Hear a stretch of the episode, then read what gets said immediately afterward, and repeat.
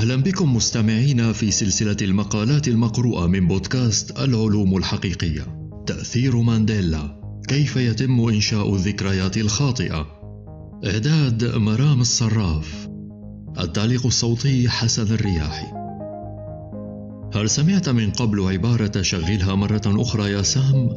يتذكر الكثيرون أنها أشهر جملة قالتها إنغريد بيرغمان في فيلم كازابلانكا. ومع ذلك عند المراجعة اتضح أن بيرغمان قالت شغلها يا سام. شغل أغنية As Time Goes By. ومع ذلك يتذكر الكثيرون عبارة شغلها مرة أخرى يا سام. والتي لم يتم نطقها أبدا. لكن لماذا؟ إنها ليست الحالة الوحيدة. فعلى سبيل المثال هناك من يتذكر أنه في فيلم حرب النجوم Star Wars أن دارث فيدر تحدث بعبارة لوك أنا أبوك لكن في الواقع العبارة مختلفة قليلا. لا أنا أبوك. بينما يتذكر آخرون قول الملكة في بياض الثلج مرآتي يا مرآتي العبارة الصحيحة هي مرآتي السحرية على الحائط ما الذي تثبته هذه الحالات؟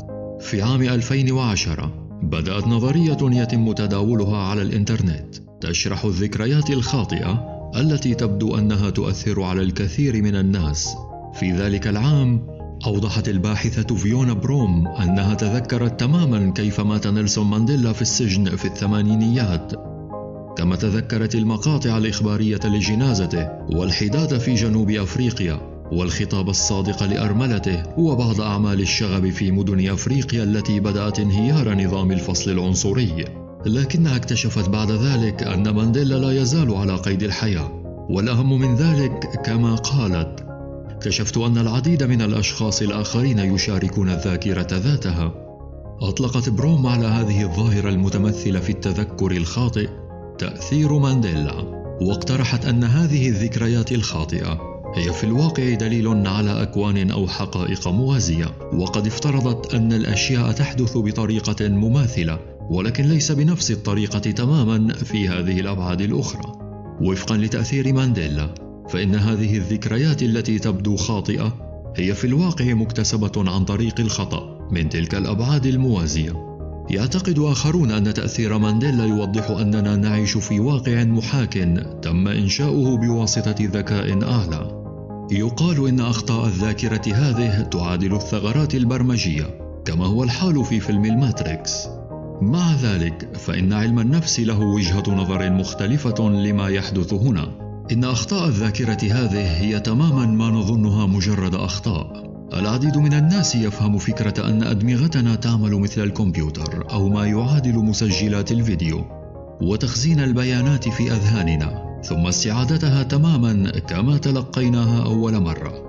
لكن ليس ذلك هو الحال. الذاكرة هي عملية خلق وإعادة بناء مستمره والذكريات تتغير بمرور الوقت. على الرغم من أننا يمكن أن نكون مقتنعين تماما من دقتها هناك أيضا حقيقة أننا غالبا ما نتذكر مشاهد أو عبارات من الأفلام بطريقة تقريبية. ثم تصبح هذه المصطلحات المشتركة كما هو الحال مع شغلها مرة أخرى يا سام والتي أصبحت عنوانا لأحد أفلام وودي آلين. ومع ذلك فإن الطريقة التي يتم بها إنشاء الذكريات الكاذبة فورية ومنتشرة لدرجة أنه من الممكن اختبارها. يمكننا تجربتها الآن.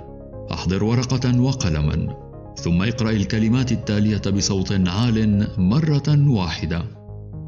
سرير يرقد مستيقظ متعب حلم يقظ راحه بطانية نعس سبات شخير قيلولة سلام تثاؤب غفوة.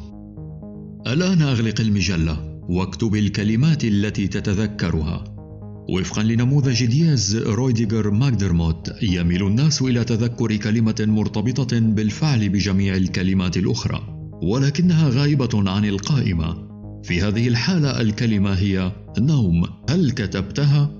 يذكر حوالي نصف أولئك الذين يشاركون في مثل هذا النوع من التجارب أنهم متأكدون من رؤية الكلمة الغائبة نوم. ولكن هذه الذكرى شيء لم يحدث أبدا. إنها ذكرى خاطئة. الذاكرة هي آلية حساسة للغاية وعرضة للعديد من التشوهات اللا إرادية.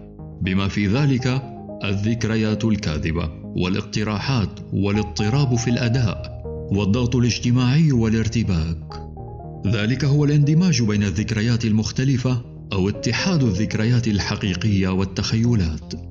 لهذا السبب في المرة القادمة التي تسمع فيها أشخاصا يقولون آه صحيح أتذكرها جيدا. يمكنك أن تكون متأكدا تماما من أنهم يبالغون في تقدير قدرات أدمغتهم. وماذا عن فكرة الأكوان المتعددة أو الواقع المحاكي؟ يمكن أن يكون هذا احتمالا بالنسبة لفيزيائيي الكم وليس فقط لعشاق الخيال العلمي. ويقضون وقتا للتكهن بها. مع ذلك يمكننا الاعتماد على التفسيرات المعقولة التي يقدمها علم النفس حول كيفية إنشاء الذكريات الخاطئة إلى أن يتم العثور على دليل لمثل هذه الحقائق البديلة. ومحاولة جعل الأشياء تعمل بشكل أفضل مما هي عليه في الوقت الحاضر في العالم والكون الوحيد المتأكدين من وجوده. عالمنا.